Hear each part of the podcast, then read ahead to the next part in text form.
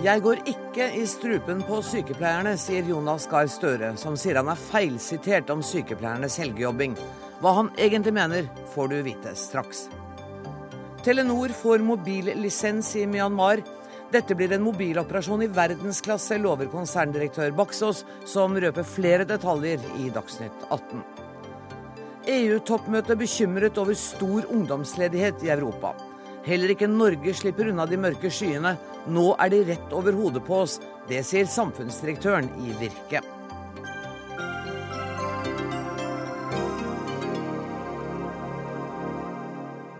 Dette er noen av sakene i Dagsnytt 18 der vi også får besøk av Rigmor Aasrud, som i dag har mottatt forslagene til hvordan det nye regjeringskvartalet skal se ut. Men aller først. Det har skapt litt rabalder og oppstått noe forvirring om hva helseministeren egentlig mener om sykepleiernes helgeturnus. Ifølge VG i dag har nemlig Jonas Gahr Støre gått i strupen på sykepleierne ved å hevde at det ikke er en menneskerett å ha fri to av tre helger. Noen timer senere skriver du i samme avis at du er feilsitert.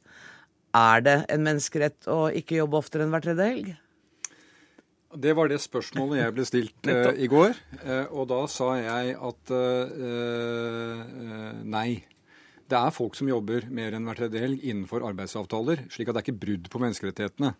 Men jeg har ikke noe hensikt til å gå til strup, i strupen på sykepleierne. Jeg har sagt i dag at hvis jeg vil gjøre noe med dem, så jeg gir dem en god klem og takker for den innsatsen de gjør rundt om i sykehushverdagen. Men det som var utgangspunktet for intervjuet, det er at vi har en stor utfordring med å sørge for at jobbene i norske sykehus, som er 24-7, altså hele døgnet, hele uka, hele året, blir gjort skikkelig. At vi kan ta den dyktige arbeidskraften vi har, og få den eh, til å virke slik at det er eh, godt for pasientene til alle tider. Det løser man ved noen sykehus. Andre sykehus er det problemer. Og i framtiden kan det bli enda større utfordring, og den samtalen må vi ta. Mm. Dette var et, et, intervju, eh, sånn som du opplevde det, om eh, de utfordringene man har med bemanningen. Da det ble et sånt utrolig bråk av rabalder, var du helt uforberedt på det? Du er jo en erfaren politiker. Du, jeg må si Det altså, det var gitt til en erfaren journalist. Det som står i intervjuet, står jeg inne for. Eh, men da jeg våknet i dag tidlig og fikk høre at det var liksom, eh, ja, nesten krigstilstander her, og den første sida om at jeg går i strupene på sykepleierne, det gjør jeg ikke. Jeg ser også at lederen i Sykepleierforbundet sier at det heller ikke er en menneskerett, men hun kjemper jo for sine eh, medlemmer, og jeg er da sånn sett enig med henne. Men jeg tror at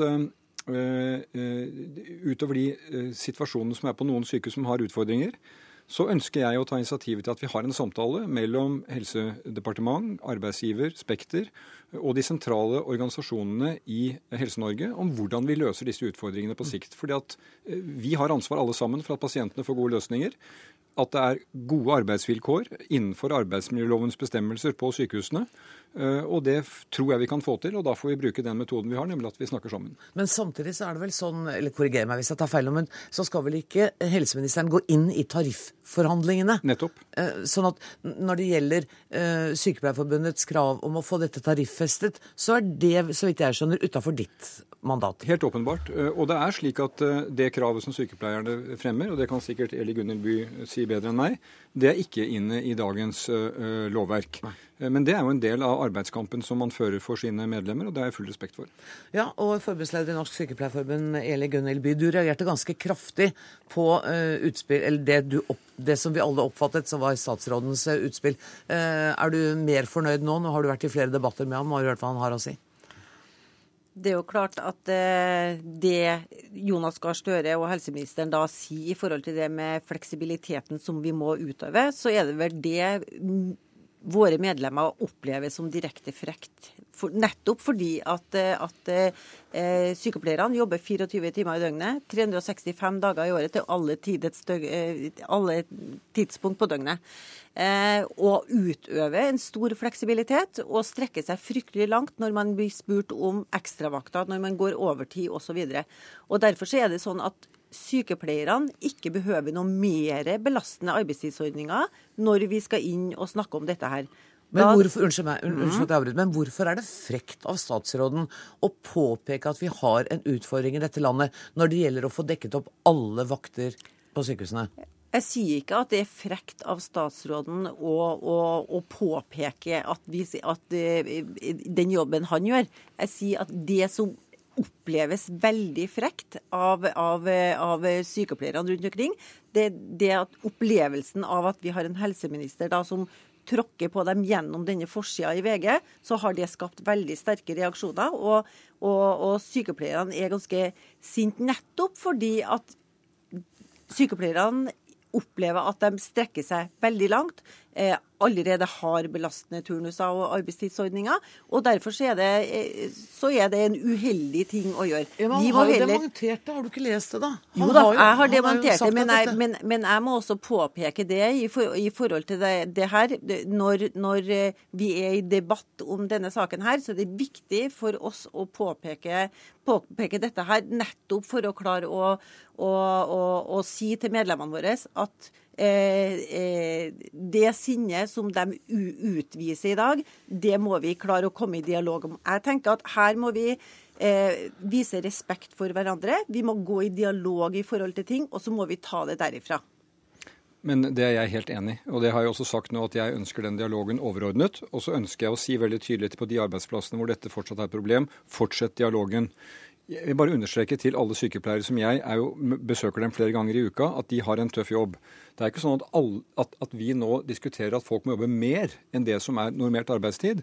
Men jeg tror samtidig at det jeg har forsøkt å si, er at vi i framtiden også må jobbe på nye måter. Et mm. tema vi har diskutert etter studio før, er at jeg mener vi bør kunne bruke mer av sykehusdagen til å gjennomføre. Vi, vi har dyrt utstyr, flinke folk, og vi bare, bruker bare noen timer av den dagen. Det betyr jo ikke at folk skal jobbe lengre dager, men de må kanskje jobbe på andre måter.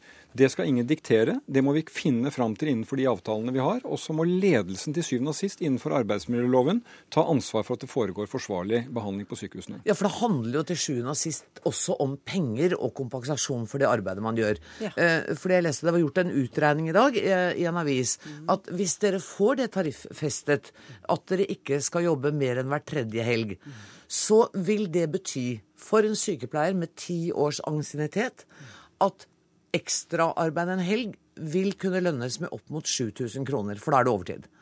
Hvis det inngår i den vanlige turnusen, så vil ekstrabetalingen være en tidel, altså mellom 700 og 800 kroner. Mm. Sånn at det vil vel være sånn at en del sykepleiere vil være interessert i å jobbe hyppigere helger hvis kompensasjonen er så stor som overtiden er? Vi har sagt hele tida at i utgangspunktet så er, medlemmene og sykepleierne i Norge veldig tydelige på at de ikke ønsker å jobbe eh, oftere enn tredje hver helg. Når det er sagt, så er det sånn at vi har noen regler ut der, og derfor er det også vi sier at vi ønsker å tariffeste tredje hver helg. For da har vi en grunnmur å bygge på. Og, og, og, så sier vi det, at OK, da får vi gå inn og se. Det må være frivillig, og det må kompenseres ordentlig. For her har vi noen krav, helt klare krav, i forhold til at dette gjør ikke ingen sykepleiere gratis. Dette her er noen ting som vi gjør, og nettopp for å ivareta pasientsikkerheten. Så det kan så hende at det er mulig å få sykepleiere til å jobbe litt oftere helger, hvis kompensasjonen er i orden. Så det er ikke da sånn må det være en ordentlig kompensasjon. Man må ha en ordentlig dialog om det. Og nettopp Og da er det kroner og øre vi snakker om? Nei, det er ikke kroner og øre. Her er det stor, stor, store penger. Og her er det, her er det også, også, frivillighet som må inn. Vi kan ikke ha et arbeidsliv i Norge på sykehusene der vi trær avtaler over hodene, eh, hodene på folk. Her er det, vi, vi, har gode parter. Vi har mange gode eksempler på at vi har gjort dette her på en god og riktig måte i mange, mange tilfeller. Eh, helseminister, det du får, er altså nok av sykepleiere som er villige til å jobbe på ubekvem arbeidstid hvis de blir kompensert skikkelig. Det blir dyrt.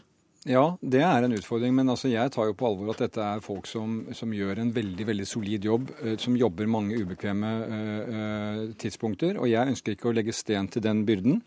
Men vi har noen mål som vi alle er enige om, f.eks. å få til en heltidskultur i norske sykehus. At folk som jobber der, de fleste av dem har heltidsjobb.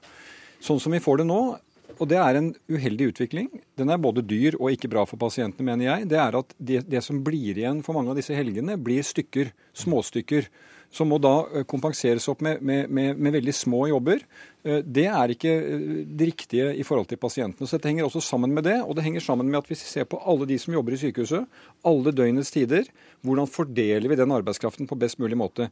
Ikke at du må jobbe mer, men at du kanskje må jobbe på noe andre måter enn vi gjør i dag. Jeg er nødt til å sette strek, men jeg ønsker dere lykke til med de samtalene dere skal ha utenfor dette studio, og så kan dere komme til meg. Ja, men det kan jeg love deg at eh, jeg samtaler veldig godt med lederen i ja. Sykepleierforbundet, som, som markedsfører sine medlemmers interesser på en god måte. Og det er jobben hennes, og jeg skal gjøre min jobb og lytte til det og prøve å finne løsninger. Og så må jeg si til slutt at vi må altså se på, på helheten her. Her må vi se på bemanningene. Vi kan ikke gå inn i enkeltturnuser. Her må vi ha en ordentlig bemanning som gjør at pasientene får en ordentlig behandling.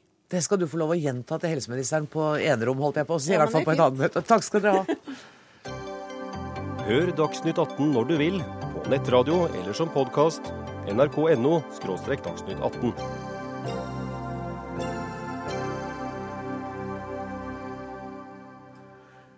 Telenor får landsdekkende mobiltelefonlisens i Myanmar. Telenor konkurrerte mot elleve andre selskaper om to nasjonale lisenser. Og i dag ble det altså klart at det er Telenor som er et av selskapene som får starte utbygging av mobilnett i landet. Konsernsjef i Telenor Jon Fredrik Baksås, eh, hjertelig velkommen hit og gratulerer. Takk skal du ha. Takk skal Du ha. Du hadde regna med dette utfallet? Det kan vi vel ikke si vi hadde, men uh, nå er vi ikke helt i mål. Uh, det, er en, uh, det, er en, rangering av, som du sa, tolv stykker. Og to er valgt videre til neste fase. Hvem er de andre? Det, neste, det er et tilsvarende til Nordselskap, Qtel fra Qatar, ja. som har eh, operasjoner i mange arabiske land, eh, og også Indonesia. Så det er også et kompetent selskap. Men vi, eh, disse to selskapene, er da blitt invitert til neste runde, som er da en fase der de endelige lisensvilkårene skal meises ut. og godkjennes av begge parter. Men det er ikke noe tvil om at dere har lisensen? Nei, vi har ikke en lisens, men vi har, fått, vi har vunnet den rangeringen blant de som har vist interesse.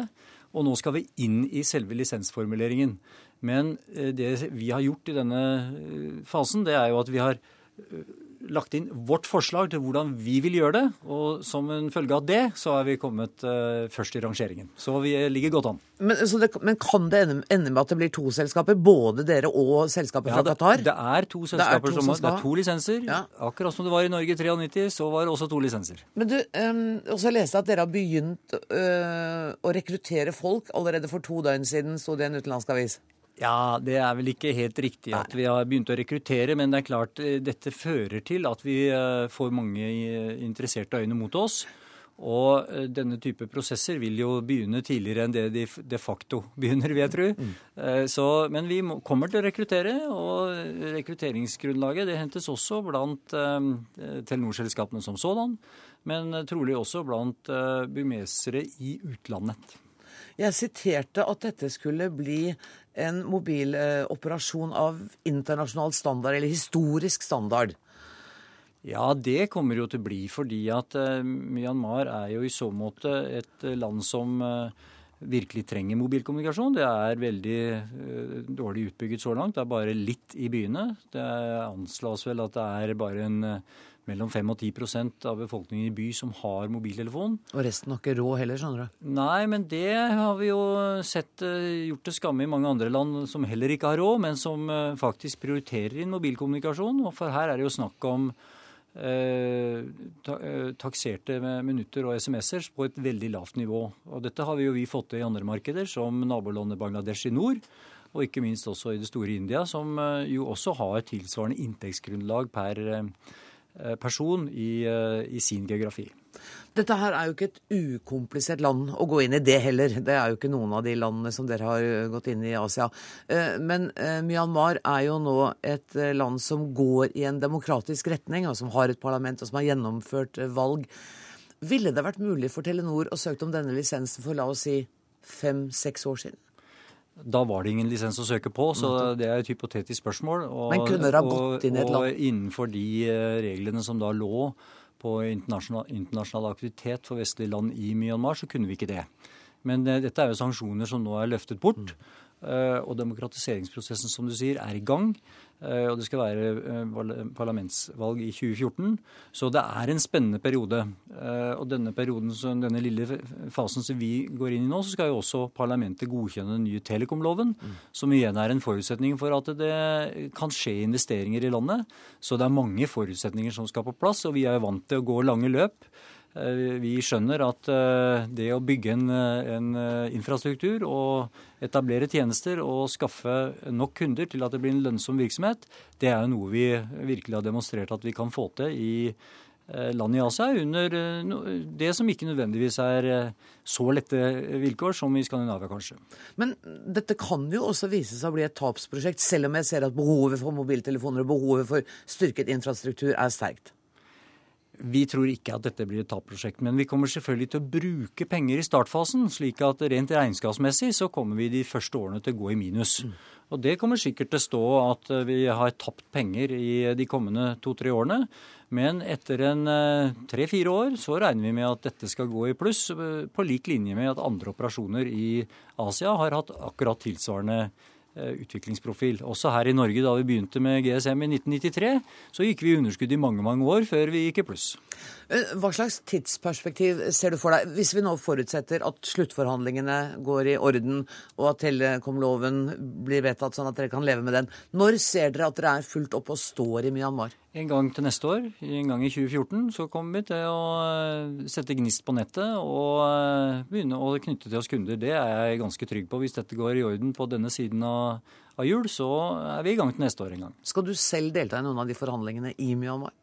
Jeg skal sikkert være med i eh, noen avslutningsfaser. Jeg har vært i Myanmar tre ganger i mitt liv. En gang så tidlig som i 1983, tror jeg det var.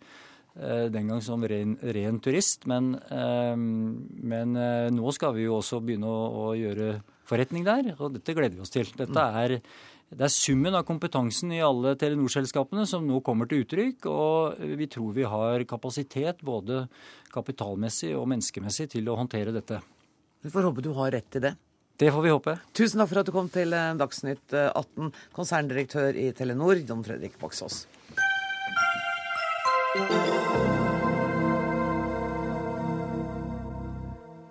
Bekjempelse av ungdomsledigheten i Europa er vår tids største oppgave. Det sier en gruppe unge folkevalgte under 35 år i EU. Saken står øverst på agendaen når EUs ledere i dag er i Brussel til halvårets siste toppmøte. Og NRKs europakorrespondent i Brussel, Hege Moe Eriksen, ser det ut som de kan komme fram til enighet om noen tiltak? Ja, det gjør det. Ifølge det utkastet til konklusjoner fra toppmøtet i dag, som jeg har fått kikke på, så sier EUs ledere at de vil satse alt for å stagge den enorme ledigheten blant unge. De vil hovedsakelig gjøre to ting. De vil bruke EUs strukturfond til å sette inn tiltak mot unge. Og så vil de bruke 6 milliarder euro på tiltak i regioner hvor det er mer enn 25% ledighet blant unge. Eh, og disse landene skal med disse pengene opprette en såkalt ungdomsgaranti garanti, som er en garanti som skal gi, gi rett til enten jobb, lærlingplass eller fortsatt utdanning i løpet av fire måneder. Så eh, de sier de vil satse, men dessverre så er det få som egentlig tror at dette er nok for å stagge ledigheten. Eh, mange mener det er eh, for lite penger i kassa for å virkelig monne. Ja, for det er jo så utrolig mange unge arbeidsløse. Det er vel langt over 50% under 25 år, f.eks. i Spania, som nå mangler arbeid da virker det nesten litt urealistisk med denne type garantier. Ja, og det er nok ikke reelt å stille med en garanti for en jobb, men dette er jo en garanti eh, om å gjøre noe, enten jobb eller å være fortsatt i utdanning. Mm. Men mange jeg snakker med her i Brussel, mener at disse tiltakene nærmest blir litt som kosmetikk på et stort sår. I Hellas er jo ledigheten blant de under 25 år på over 60% Og hvis man ser på de mellom 25 og 30 år, som ofte har hatt høyere utdanning, så er ledigheten blant de på over 40% Så det er en enorm enorm ledighet. Og denne ledigheten blant unge er jo en del av den generelle arbeidsledigheten. Og mange peker altså på at de landene som er verst rammet, det er også de landene med bunnskrapte statskasser. Uten handlingsrom til å flytte penger i budsjettene. Eh, slik at uh, disse tiltakene vil kanskje ikke endre dette bildet. Og det de landene trenger, er jo å få tilbake veksten og få tilbake produksjonen. Og før det skjer, så er det få som tror at man virkelig vil få bukt med ledigheten blant unge. Heller ikke ledigheten generelt, og at dette vil ta veldig lang tid. Mm. For hva er nå, hvilke konsekvenser ser vi nå av denne massearbeidsledigheten, særlig blant de unge? Det er veldig alvorlige konsekvenser. Jeg har møtt mange unge ledige som sitter parkert hjemme hos foreldrene. De sitter med toppkarakterer og mastergrader. Det er smarte, unge, sterke folk som i dag ikke blir brukt til noen ting. Slik at eh, Europa mister jo sin viktigste ressurs. Og det som nå er veldig bekymringsfullt, er at mange av disse har vært ledige ikke bare noen måneder, men kanskje ett, to eller tre-fire år. Mm. Mange av dem har også gitt opp å finne jobb. De leter ikke lenger lenger etter arbeid. Og eh, statistikken viser at i EU så er det 13% som helt har resignert. Og forskningen er jo ganske entydig på at langtidskonsekvensen av dette kan være veldig alvorlige for, eh, for samfunn. Mange av disse vil slite i mange år fremover på arbeidsmarkedet, og vil kanskje slite for resten av livet med å finne seg fast jobb. Takk skal du ha, europakorrespondent Hege Moe Eriksen. Og mens EU-politikere i Brussel mobiliserer til kamp mot arbeidsledigheten, går det ikke så bra her hjemme heller. Det kunne vi lese i Klassekampen i dag. Vi har en stund sagt at vi ser skyer i horisonten. Nå er det ikke bare i horisonten, det er ganske overskyet. Det ser du, samfunnspolitisk direktør i hovedorganisasjonen Virke, Harald Andersen. Hva mener du med det? Da vi eh, la fram prognoser for norsk økonomi her tidligere i vinter, så så vi at det kunne gå dårligere i Europa enn det vi fryktet allerede da. Eh, det har dessverre slått til. Derfor sa vi at vi så skyer i horisonten, men siden den gang så har vi sett at eh, nå bremser opp i alle næringer i Norge. Varehandelen, som Virke bl.a. organiserer, Norges største sysselsetter, melder om kraftig oppbremsing i, i, alle bransjer.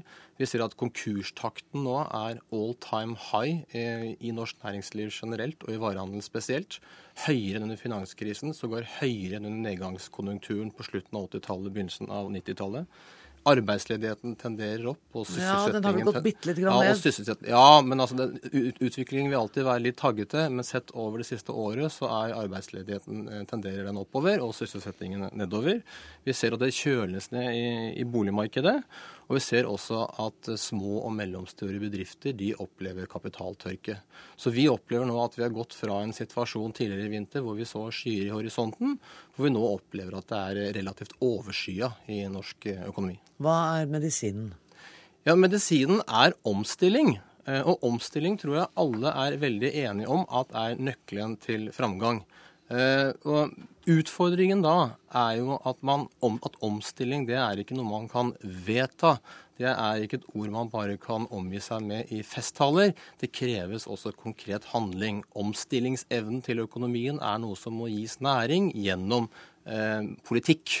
Eh, og vi mener jo da at omstillingsevnen i norsk økonomi den har vært svak nå i flere år. F.eks. åtte? F.eks. åtte. For det er faktisk sånn at denne produktivitetsveksten, altså den fremste målet på omstillingsevne i økonomien, den stoppet opp allerede i 2005. Så vi har lenge vi eh, etterspurt tiltak for å øke omstillingsevnen i norsk økonomi. Og nå som da det økonomiske været ser ut til å skye mer over, så haster det da med å komme med, med tiltak. Og Derfor har vi også lagt fram da, en liste med åtte konkrete tiltak som vi mener da bør lanseres for, for, å stimulere ja, omstillingsevnen. Nå har du snakka så lenge at alle de tiltakene kan du ikke få ta nå, men du skal få ta noen av dem etter hvert. Jeg skal bare høre med Torgeir Micaelsen, som da representerer eh, et av regjeringspartiene og er leder i Stortingets finanskomité. Eh, det er dere som er spesielt omstillingsmotvilje? Nei, Det er jeg ikke enig i. Jeg tror ikke alle ville stille seg bak en sånn type påstand. Et av poengene med den norske måten å organisere økonomi og arbeidsliv og samfunn på, er jo at nettopp at vi har vært veldig omstillingsdyktige. Det er derimot Jo, men vi har jo klart, selv om vi har et ganske høyt kostnadsnivå, selv om vi har de høyeste lønningene i verden, så klarer vi fortsatt å skape verdier eh, i næringslivet, i altså bedriftene til Virke, men også de som konkurrerer med utlendingene hver dag om oppdrag og tjenester. Vi klarer faktisk å har konkurransedyktig næringsliv. Det har vi klart gjennom omstilling eh, på en rekke områder. Det jeg derimot er enig i, eh, før vi går til tiltakene, for der er jeg ikke enig i alle, jeg er enig i noen av de, så er det at det er mange varsellamper som nå blinker i norsk økonomi. Nesten 500 konkurser i mai, var registrert i mai. Absolutt. Det kommer nok riktig fra et veldig høyt nivå. Det har vært veldig god fart i norsk økonomi de siste årene. Men det er bekymringsfullt. Og vi har lenge advart mot at Norge ikke kan regne med å gå upåvirka gjennom si, del to av det Hege Moe Eriksen nå beskriver som massearbeidsløsheten som er tilbake i Europa. Det skulle jo nesten bare mangle at vi også blir mer påvirket enn vi har vært Men dere hjelper det så mye at dere sitter i Dagsnytt 18 og advarer. Må dere ikke gjøre noen ting? Men jeg vi- kan også advare, men jeg har jo ingen innflytelse. Ja, men jeg er jo ikke enig i at vi ikke gjør noe. Eh, For det første så styrer vi nå etter et statsbudsjett der vi har forsøkt å dosere oljepengebruken for eksempel, på en riktig måte. Det brukes ganske mye oljepenger som går til investeringer i infrastruktur, i skoler, i helse, i veier osv. som holder si, økonomien oppe, etterspørselen oppe. Så lagde vi en vekstpakke til næringslivet som er målrettede skattetiltak rettet mot bl.a. bedriftene til Virke, som er lagt fram i revidert. Og vi sier at vi er klare til å handle på nytt. Men per nå er det ikke eh, altså Vi kan ikke basert på at vi nå kjøper litt færre ting på kjøpesentrene og butikkene til, til Harald, eh, nå slår i verk med en ny tiltakspakke. Det ville vært å dosere helt feil i en tid som er veldig usikker. Harald Andersen, du skal få ordet, men jeg skal først ta med Ketil Solvik-Olsen, som vi har med oss. Hvilken eh, virkelighetsbeskrivelse av de to vi har hørt nå, vil du slutte deg til? Jeg tror at vi skal lytte sterkt til det Virke sier. Det er de som er ute i den praktiske økonomien, ser på situasjonen i små og store bedrifter fra dag til dag. Det er ingen tvil om at norsk økonomi er sårbar, spesielt for endringer i oljepris. Og denne siste åtte årene har vi ikke klart å skape den robuste økonomien som gjør at vi har mange bein å stå på. Vi er altfor oljeavhengige. Eh, Sentralbanksjefen advarte jo mot at vi har hatt en veldig lav produktivitetsvekst over lang tid. BNP per innbygger, altså verdiskapning i Norge per innbygger, har ligget flatt de siste fem årene. Og Jeg blir litt sånn overraska når uh, Micaelsen sier at revidert budsjett var godt tilpassa, fordi at det var altså ingen tiltak i revidert budsjett som styrka situasjonen for næringslivet, for norsk industri.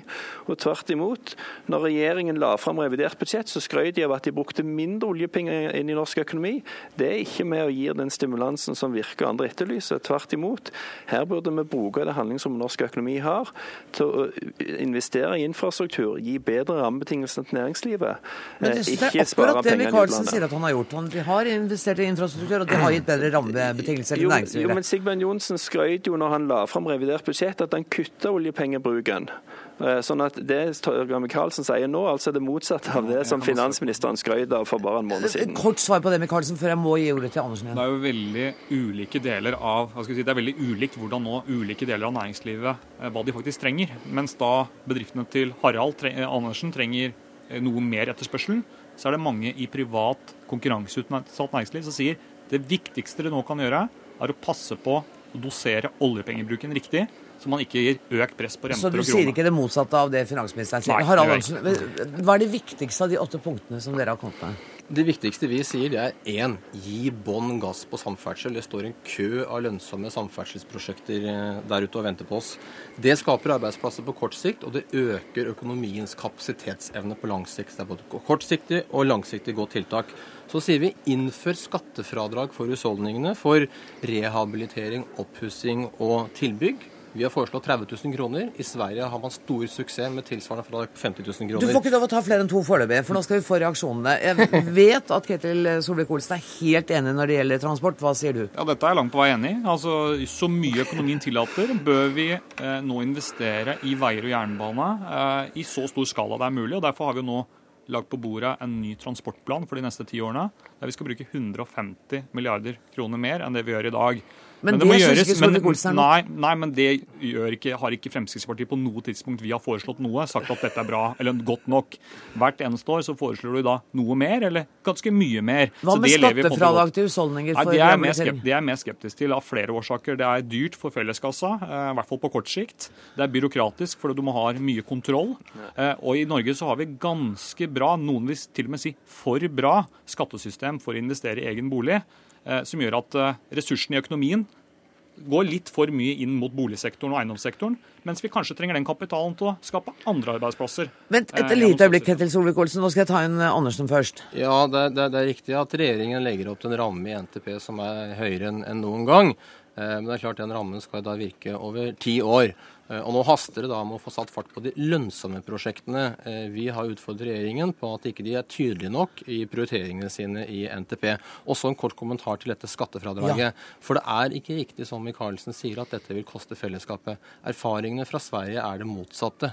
Der har fradraget medført at skatteinntektene netto har økt til den svenske statskassen, og det er skapt arbeidsplasser på et femsifra nivå. Fordi at man da bruker håndverkere og bruker fagfolk til å ruste opp husene sine. Det blir flere håndverkere som får jobb, og de håndverkerne jobber hvitt og ikke svart.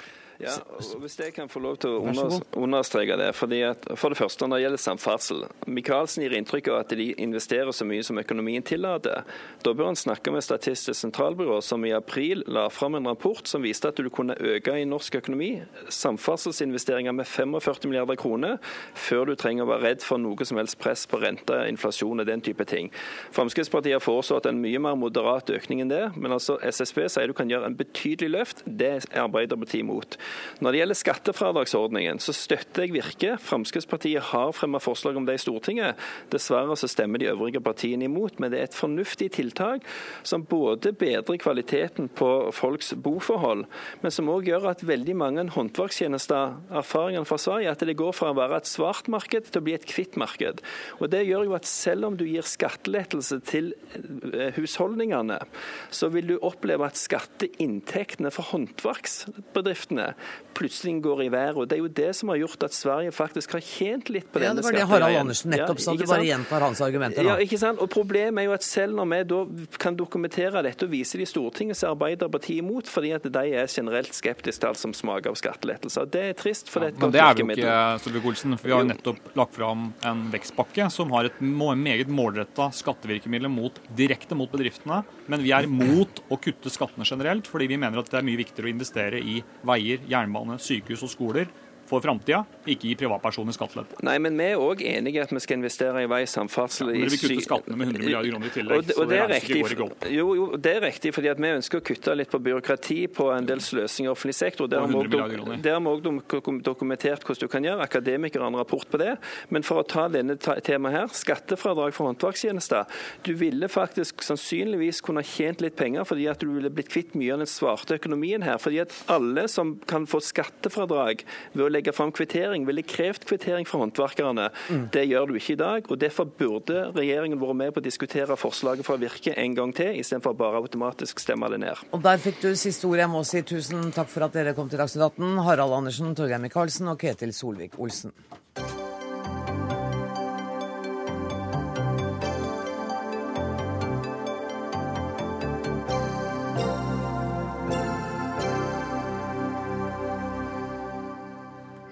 Høyblokka bør rives, og det bør bygges nytt regjeringskvartal i omtrent det samme området av Oslo.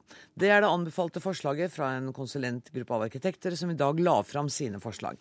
Rigmor Aasrud karakteriserer dette som en milepæl, mens arkitekt Peter Buttensjøen er rystet over tanken på at Høyblokka skal bli borte. Hvorfor det, arkitekt Peter Buttensjøen? Nå er nok ikke dette en arkitektvurdering, men dette er altså en konsulentvurdering Ja. som er gjort eh, for å undersøke hvilke bygningstekniske og økonomiske krav man må stille til en bygning etter dagens, dagens krav. Ja. Og det er, jo, det er jo problemet at man anvender altså dagens sikkerhetskrav, dagens krav til ventilasjon, til eh, universell utforming, til, til alt dette, til en bygning som har fungert aldeles utmerket helt siden den var ferdig på slutten av 50-tallet, og som ville fungert aldeles utmerket hvis ikke Behring Breivik hadde prøvd å få den i bakken. Så Problemet er vel at dette er en teknisk utredning som er sikkert er fornuftig at vi har fått på, bordet, men nå er det en politisk utredning eller politisk vurdering som regjeringen må gjøre, og som vi venter på, og som er den viktige. Da Men har de dette det være som bakgrunnsmateriale. Vil det være en skandale hvis eh, Høyblokka blir revet? Jeg tror nok det vil bli en skandale som, eh, eh, som vil hjemsøke fremtidige generasjoner med sjokkbølger, hvis man faktisk river ned det viktigste bygget i det politiske Norge i siste halvdel av forrige århundre. Det vil være en helt meningsløs og helt uforståelig handling som, hvor altså meningsløsheten bare vil ryste oss og vil gjøre oss til latter i Europa. Men, men handler det, det, synspunktet ditt, er det det arkitektoniske, eller tenker du på det kunstneriske uttrykkene som er der også? Det kunstneriske er nok bare del av hele bygningen. Og det lar seg jo flytte på? Jo da, hvis du later som det er eh, i glass og ramme, så er det klart du kan flytte på det. Men, men det viktige er at denne bygningen forteller mer om utviklingen av det norske velferdssamfunnet og det norske demokratiet fra 1945 til år 2000 enn noen annen bygning i Norge. Og jeg tror det var derfor det var en mål for terrorhandling også. fordi skulle man virkelig ta knekken på det politiske Norge og på den fortellingen om vårt samfunn som vi har, så skulle man ta denne bygningen. Dette, dette, men dette er noe mye mer enn noen arbeidsplasser. Dette er, eh, dette, er dette er et politisk bygg på en helt annen måte. Men du også husker jo hvordan den høyblokka var utskjelt, hvordan folk syntes det så grusomt ut, det var stygt. Eh, altså. Ja, men du vet, veldig mange slike hus er, er skjelt ut i samtiden eller de mm. neste tiårene. Det er ikke så fryktelig mange år siden jeg tror Einar Gerhardsen mente at man burde rive Stortinget. Mm. For da syntes vi ikke at det var noe fint. Altså De fleste bygninger har vi ment at var stygge de første 50 årene, og så har vi skjønt at dette er faktisk noe vi skal ta vare på. Rigmor Aasrud, fornyings- og administrasjonsminister. Eh, du har mottatt disse forslagene i dag, og det anbefalte forslaget er vel eh, eh, Det heter Hva heter det for noe? Øst. Øst, ja. Det er det som innebærer en riving. Har du lyst til her og nå å ta stilling til hva du går for? Det eh, anbefalte forslaget som vi har fått fra konsulentene, anbefaler å rive Høyblokka. Men også det alternativet er det mulig å gjennomføre uten å rive Høyblokka. Det er også konsulentene presisert i dag, sånn at eh, det er fullt mulig. Da må man bygge mer nye bygg, for da vi trenger flere kvadratmeter hvis vi lar Høyblokka stå, enn om vi, vi river av. Så det er jo en av de tinga som ligger i det konseptet. Og det er jo fem forskjellige konsept som er presentert. og i de fleste av dem så kan du både la høyblokka stå, og du kan uh, rive høyblokka. Men konsulentene anbefaler å rive høyblokka. Men helt personlig, eh, hva føler du for høyblokka? Jeg føler at nå skal jeg la de som skal kvalitetssikre de tallene som vi har fått presentert, få lov å gjøre jobben sin, og så skal vi ta en beslutning på den og den tida. Jeg tenkte jeg skulle lure meg liksom unna den der statsrådrollen og få liksom Rigmor Aasruds helt private meninger. Det får jeg ikke. Men det som jeg syns var eh, interessant med den utredningen som kom i dag, det var at det er en del nytenking i det, i alle fall i forhold til det eh, som har vært diskutert tidligere, bl.a. med å flytte, altså forskyve hele regjeringskvartalet mot øst, mot Jungstorget. Det gjør jo at vi kan åpne Akersgata, og det har jo vært eh, etterspurt av veldig mange.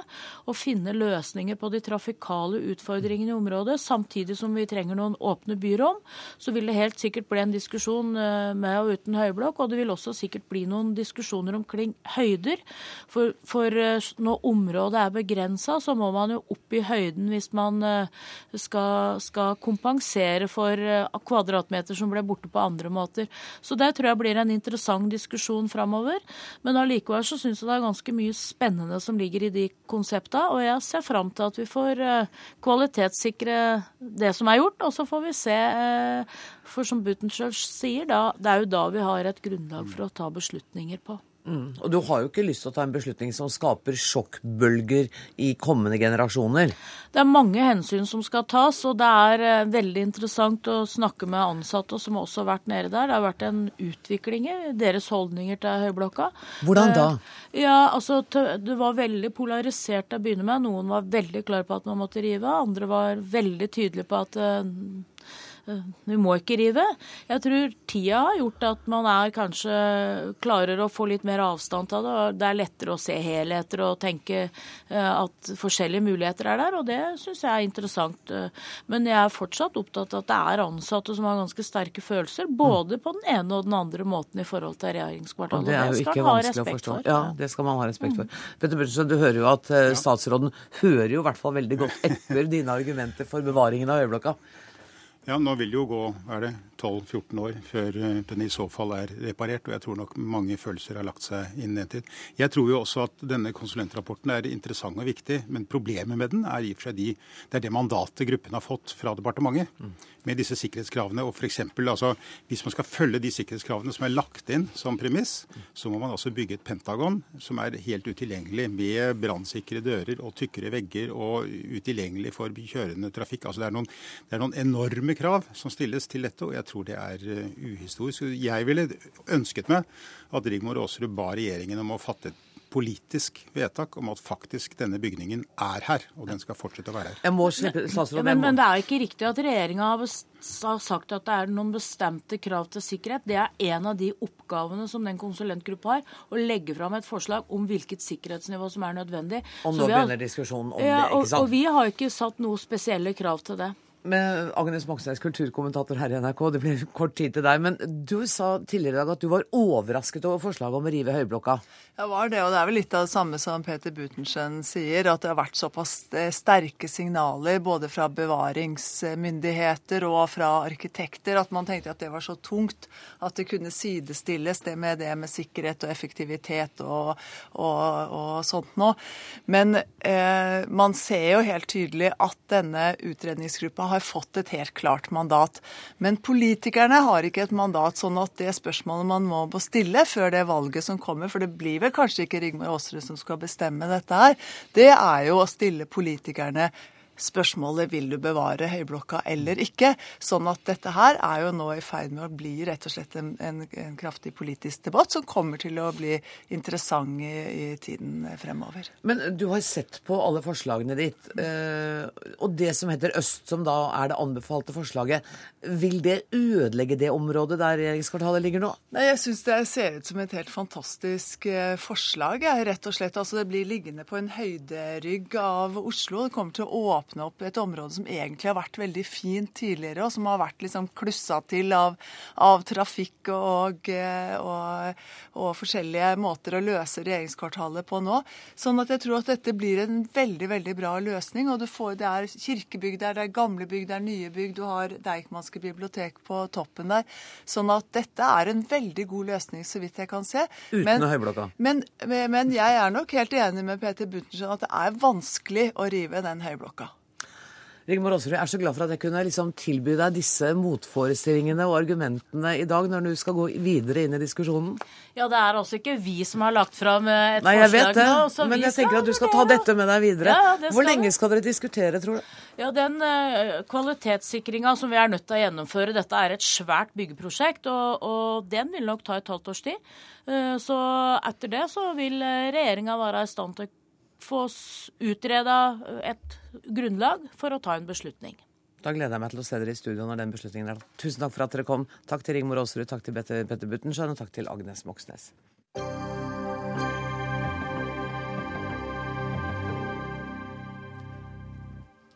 Norge bør støtte bruk av lukkede asylmottak og piggtrådgjerder på grensen mellom Hellas og Tyrkia.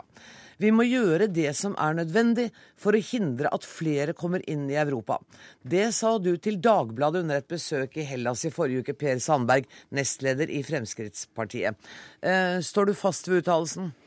Ja, det jeg, dokumenterte på min reise i Hellas, og som jeg også har sagt tidligere, det er det at dagens regjering eh, bidrar i stort monn i forhold til sikkerhet på grensa mellom Hellas og Tyrkia. Eh, vi har bidratt økonomisk til å finansiere overvåkningsutstyr, kamera, eh, det mest moderne som kan finnes. Vi bidrar til å drifte og etablere lukka, asyl, lukka mottak i Hellas.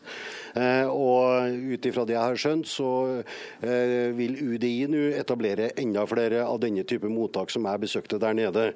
Så er det sånn at man, det er jo ikke sånn at man hermetisk lukker noen ting. Denne grensegangen mellom Hellas og Tyrkia, det er den som er mest åpen. Der har det kommet flere hundre tusen illegale innvandrere eh, eh, inn i Hellas, eh, som da har gått videre oppover i Europa. Og Det er det Schengen-avtalen dreier seg om. Eh, å styrke grensekontrollen. Det er den avtalen som Norge har skrevet under på når det gjelder yttergrensa vår, at den skal kontrolleres. Men skal den da styrkes med eh, to dybder med piggtrådgjerder, fire meter høye, på en eh, strekning på hva var det, i hvert fall eh, 12,5 km. Ja. Er, den er bygd. Ja, og, det, og, du vil ha mer av det? Det gjerdet er bygd. Nei, det er ikke mulig å bygge noe mye eh, mer gjerde på denne strekningen. Jo, det er jo det. Nei, for da snakker vi om de resterende 166 km. Det er elva Evros. Og denne elva er altså så uforutsigbar at det er nesten umulig å bygge stengsler der. Det er jo derfor at Hellas er i stor eh, fortvilelse. Bl.a. plukker opp døde mennesker i denne elva pga. organisert menneskehandel over denne grensestrekningen. Og Nå er det altså et utvida samarbeid på gang mellom Hellas, Tyrkia og Bulgaria, som er satt i en håpløs situasjon fordi at Tyrkia har nærmest fjerna visumplikten til Tyrkia. Og Da er det altså sånn at 70-80% av alle illegale innvandrere kommer over denne grensestrekningen. Og Da er det selvfølgelig sånn at alle som har skrevet under på Schengen-avtalen, må bidra til å hjelpe. Statssekretær i Justisdepartementet Pål Lønseth, dere altså i den rød-grønne regjeringa brukt en masse av skattebetalernes penger på denne type overvåking på lukkede asylmottak akkurat der i Hellas hvor Sandberg har vært. Ja, vi bruker mye penger i Hellas. Ikke så mye på lukkede asylmottak. Jeg tror jeg har lyst til å gripe fatt litt i det begrepet. for Hellas har to typer eh, mottak. Det ene er eh, disse såkalte screeningsentrene, ja. som er altså som, de, som kommer inn først eh, plasseres på, og som, eh, hvor man sitter til man har avgjort om man faktisk søker asyl eller ikke søker asyl. Det er ganske mange som kommer til Hellas ulovlig uten å søke asyl. Og de er lukkede? De er lukkede inntil 25 dager, ja. Eh, og de har vi støttet. Fordi det er helt nødvendig at vi også bidrar til at de som kommer og har beskyttelsesbehov, får beskyttelse i Europa. Og de som ikke er eh, flyktninger, at de må sendes tilbake igjen. Så du er helt på linje med Sandberg her? Nei, vi er nok ikke det. Fordi han eh, vil ha et, eh, et internerings- og fengslingsregime som er helt hinsides utover hva vi ønsker og hva vi, eh, hva vi, eh, er med på og finansierer. Hva slags eh, fengsels- og interneringssystem er det? Nå spør jeg Lønseth, og så kan du få lov å presisere det etterpå, Sandberg. Helt i orden. helt i orden. Ja, Vi kan ta utgangspunkt i handlingsplanen til Fremskrittspartiet for fram til 2017, hvor det står at for Norges del så skal man da fengsle alle asylsøkere inntil saken endelig er avgjort. Og alle, de har også sagt de skal fengsle alle som skal ut og alle som har uklar identitet. Det vil realiteten medføre i en europeisk målestokk eh, eh, titusener av mennesker fengslet eh, uten at de er kriminelle. Det er helt hinsides. Sandberg, det er helt hinsides.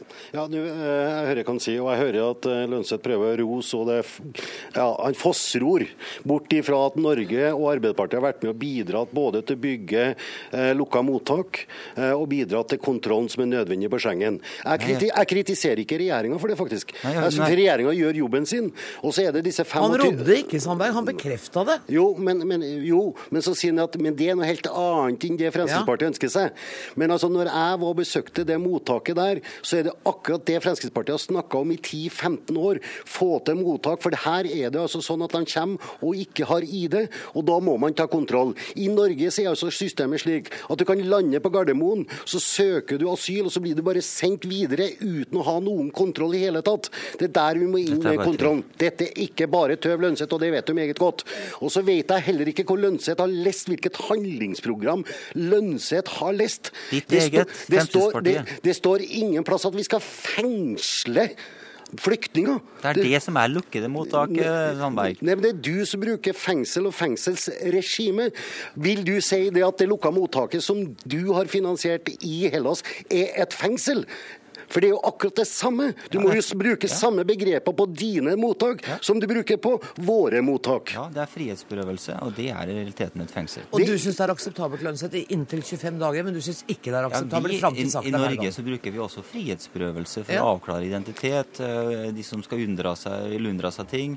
Vi har et eget eh, internat på Trandum hvor vi fengsler eh, personer av denne karakter. De skal ut! De skal ut! Ja, det er riktig. Nå, nå, nå har jeg tenkt å la ordet gå til en som ikke politiker, Jon Peder Egenes, du er generalsekretær i menneskerettighetsorganisasjonen Amnesty. Eh, man kan jo lett få inntrykk av når vi hører Lønseth og Sandberg, at det egentlig er nyanser de er uenige om?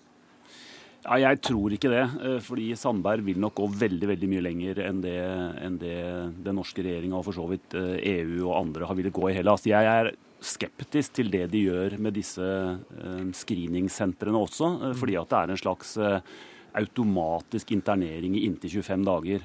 Men det som er det verste med det, det er at de screeningsentrene, som jeg tror det bare finnes ett av foreløpig, de er liksom toppen på toppen av isfjellet av det som skjer i Hellas. For veldig mange av de som går om disse 25 dagene, de går rett videre til andre og mye verre interneringsleire, der de sitter i månedsvis. De kan holdes der lovlig i henhold til gresk lov i 18 måneder. Er de lukket, de også? De er ikke bare lukket, men det er altså møkk de er stinkende, de er helsefarlige, mange av dem. Eh, våre folk som har vært inne i flere av dem nå, og det kommer en rapport i juli, eh, beskriver dem fra dårlige til inhumane i forholdene. Eh, og de har truffet folk som har sittet der i hvert fall i ni måneder. De treffer barn der, de treffer familier der osv. Og, og, dette er altså Jeg sier ikke automatisk alle, men veldig mange. I dag tror vi at det kan sitte et sted mellom 5000 og 10 000 der. De har interneringssentre som myndighetene selv sier har kapasitet på 5000. De ønsker å utvide til 10 000. Og det sitter folk i politistasjoner rundt omkring på øyene, fordi at dette gjerdet har nå på en ganske, eh, ganske, kraftig redusert strømmen over denne grensen. Og nå kommer de over øyene, og de anholdes og sitter rundt i politistasjoner. Så den greske flyktningepolitikken, det var den vi reagerte på, som Sandberg liksom løftet fram som et eksempel, den er altså så inhuman og forferdelig at det jo ikke er lenge siden at Menneskerettighetsdomstolen sa ingen bør sende folk tilbake dit. Sandberg, så du noen av disse interneringsleirene? Ja, jeg var på et av disse besøkene også. Men det var et, eh, det var et fengsel. Eh, eh, Hvordan var forholdene der? Ja, Det var sørgelige forhold. Rett og slett der jeg tror altså, husker på at det var 15 eller 20 mennesker som var stua inn på, sammen inn på en celle. sånn skal vi ikke ha det. Nei, og det er noe helt annet. Og så er det altså slik at På dette screeningssenteret så skal det bygges andre mottak også som skal være lukka der at man tar særlig hensyn til barn og kvinner. Når jeg var der nå, så skulle det etableres, og da var det fokus på å bygge nye fasiliteter for barn og kvinner. Og så er det altså sånn at FNs høykommissær er altså representert på disse leirene, eller denne, dette mottaket. Og nå skal det bygges flere av disse mottakene, og FNs høykommissær skal være representert. Mm. Men jeg syns, eh, med all respekt, vi kan sitte her oppe og så kan vi diskutere, eh, og så kan vi kritisere Hellas, men de har altså stått overfor enormt enorme utfordringer. Flere hundre tusen mennesker har strømmet over denne grensegangen. Og så er det riktig også som sies at flyktningstrømmen eller men illegale innvandrere har flytta seg. Veldig mange prøver nå gjennom elva eh, Evros. Der er det nå et samarbeid i gang med Tyrkia. Og så har det flytta seg til øyene Samos og, og, Lesvos. Så det er klart at vi må bidra i mye større grad hvis denne Schengen-avtalen og Frontex, altså grensekontrollen, i hele tatt skal ha noen verdi. Lønnsett. Ja, jeg er veldig enig i at vi skal bidra i Hellas. Altså Vår yttergrense går også uh, i Hellas. Uh, sånn at jeg er veldig enig i det. Og, men det som vi nok er veldig uenige om, er hvordan vi innretter denne hjelpen. Mm. Altså Vi er veldig på at vi skal bruke disse pengene til å bl.a. skille mellom de som har et behov for internasjonal beskyttelse, og de som ikke har det. Eh, jeg opplever at Fremskrittspartiet eh, sin retorikk går helst ut på å stenge alle mennesker fra Asia og, Asia, Asia og Afrika ute, og at det er hovedgrunn. Jeg er veldig glad for at Sandberg sier at eh, de mottakene han så som ikke var screeningssenter, var av en sånn karakter at han ikke vil anbefale å bygge de. Det er veldig fint. Men det gjenstår altså likevel at Sandberg og Frp Det er ditt eget handlingsprogram frem til 2017, Sandberg, hvor det står altså at du vil ha et fengslingsregime. Eller du kaller gjerne et, kall, kall, kall gjerne et frihetsberøvelsesregime, hvis det er bedre for deg. Står det fengselsregime i mitt handlingsprogram? Det står internering, og det er i praksis det samme. Okay. Så du, det, bygger, du, bygger altså fengsel for eh, flyktninger i, Hellas? Nå er det jeg som snakker, Sandberg. Ja, men du og, det, det. og så er det sånn at vil, det står i programmet ditt at du vil bygge det, og det er altså realiteten altså, Hvis vi kan bruke det i Europa, hvis vi kan bruke et sånt regime i Europa, så er vi altså, eh, er vi altså på titusener av fengslede mennesker Nei. i Europa på dette grunnlaget. og det håper, Sånn regime håper jeg Europa aldri ser igjen. Nei, men Lønseth, vær så snill, snakk om virkeligheten nå, da.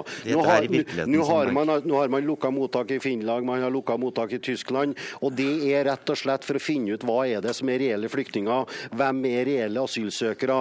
Og da vet både jeg og du at 80% av alle dem som kommer over denne grensegangen. De er ikke asylsøkere. De ønsker ikke engang å søke asyl i Hellas. Men Per Sandberg, de har full, full rett til å komme. Man, ja, ja og, det, og, da, og, man, og da kan man ikke bare fengsle folk som har full rett til å komme. Man må ha et system som gjør at de vurderes, og så får man sende hjem de som ikke har rett til å være her. Og det du Helt legger opp til, det er at man skal altså fengsles for å krysse grenser i, i tråd med sine egne mennesker. Sandberg sier at nei, det er ikke det han mener. Nei, Og vet du hva, jeg er nødt til å sette de Kjære venner, dere må ringe er hverandre, og så må ta den resten av debatten et annet sted. Eh, Jeg sier tusen takk for at dere var med i dag. Vi får sikkert sjanse til å snakke om dette igjen. Takk til Per Sandberg, Pål Lønseth og Jon Peder Egenes.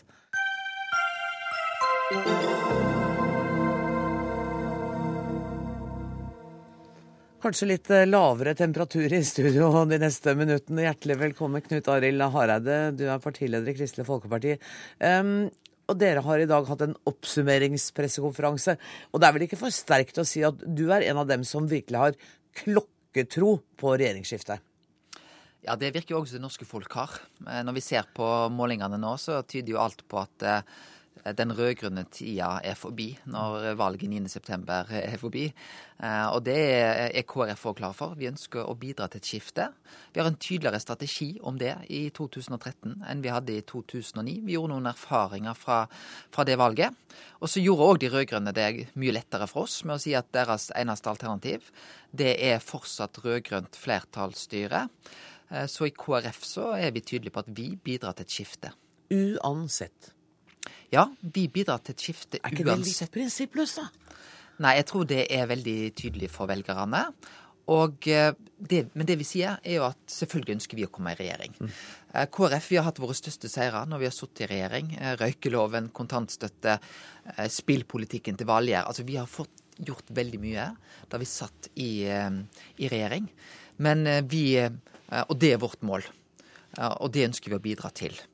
Eh, og så sier vi at eh, Men det vi eh, Det er klart at eh, den saken dere hadde nå nettopp, eh, viser jo òg forskjellene blant de partiene som ønsker å bidra til et skifte. Mm. og det vi sier derfor, er at vi har mest tro på en sentrum-høyre-regjering. Det er vårt eh, primære eh, alternativ. Men vi vil snakke med alle partiene. Vi vil etter valget sette oss ned sammen for å finne gode løsninger for en ny regjering. Og KrF vil være konstruktive, men vi vil selvfølgelig Vårt mål er å komme i regjering. Men, men la oss si at For det er jo en dette, Alt dette vi snakker om nå er spekulasjoner, for vi har ikke sett resultatet. Vil dere være eh, en, et støtteparti og gi en garanti også hvis det skulle ende opp med Høyre og Fremskrittspartiet alene i regjering, f.eks.? Ja, hvis det blir et uh, Høyre-Fremskrittsparti-flertall, altså at de to partiene får flertall alene, da er det jo litt sånn som med et rød-grønt styre nå. Da vil de få oppdraget, og de vil styre, og de uh, vil ikke være avhengig av et sentrum. Det er lite sannsynlig at de får flertall, så vi snakker jo om en mindretallsregjering. Ja, og det er klart, blir det en mindretallsregjering, eh, det vil ikke være vårt primære ønske. Men Nei, det vil... skjønner jeg, men hva gjør dere da? Ja, da sier vi veldig tydelig i vårt vedtak som vi bestemte for ti måneder siden. Eh, Da sier vi at da vil vi være et konstruktivt og ansvarlig eh, opposisjonsparti. Men det er klart det ligger en forpliktelse på oss eh, når vi sier så tydelig at vi ønsker å bidra til et skifte. Så vi vil bidra til et skifte. Og så er vi da et konstruktivt opposisjonsparti og bidra til gode løsninger. Bidra til et skifte og være et konstruktivt opposisjonsparti. Så velger så er jeg da fortsatt litt usikker på hva er det dere står for i dette. Vil dere kunne spise den asylpolitikken som Fremskrittspartiet står for, f.eks.? Ja, det er jo nett, eh, ja, som velger så vet du at stemmer du KrF, da får du en familiepolitikk. Du får eh, at vi kjemper for eh, menneskeverdet. Altså du får politikken vår. Og så er det etter valget så må vi se hva har, har vi fått styrke til å gå inn i regjering. Er det sånn at vi mener at vi kan få gjennomslag for vår viktige politikk, sånn at ikke vi må sitte i regjering og gjennomføre en asylpolitikk som vi mener ikke er i tråd med å kjempe for menneskeverdet. Eh, og det er jo det som Altså det er politikken som avgjør for KrF. Det er politisk gjennomslag. Da må vi ha styrke fra velgerne eh, for å få det til. Og vi har erfaring fra regjering. Vi vet at uh, for stor spennvidde i en regjering, det er verken godt for de partiene som er med der, eller for landet, eller for, uh, for regjeringa som helhet. Jeg mener det har vært en utfordring òg med dagens rød-grønn regjering. De har jo både to og tre meninger i samme saker, og det er ikke noe bra. Eh, under Bondevik-regjeringa var det mye ryddigere forhold. Hadde regjeringa sagt én ting, så visste vi at det sto de for. Sånn bør det òg være med en ny regjering. Da var det kanskje mer diskusjon innad, men vi fikk ikke vite så mye om diskusjonene når vi sto utenfor. Det blir noen eh, ganske kraftige avklaringsrunder hvis det nå skulle bli et, eh, et borgerlig flertall etter 9. september. Jeg liker jo ikke dette ordet borgerlig, jeg, da. Nei, nei. Fordi at? KrF er et sentrumsparti. Ja, ok, og vi, sentrum. Borgerskapet har ikke vi hørt til. Så sentrum, høyre Partiene bør sette seg sammen. Ja, det er klart at dette er en del av eh, Men det viktigste for KrF, det er politikken. Og det er politisk gjennomslag. Og dermed må vi sette strekk. Det er det som er det viktigste. Men jeg må si takk for at du kom til Dagsnytt 18 i dag også, Knut Arild Hareide. Dagsnytt 18 er slutt. Det ansvarlig for sendinga i dag, det var eh, Dag Dørum. Det tekniske ansvaret har Karl Johan Rimstad. Jeg heter Anne Grosvold, og vi høres i morgen. Takk for nå.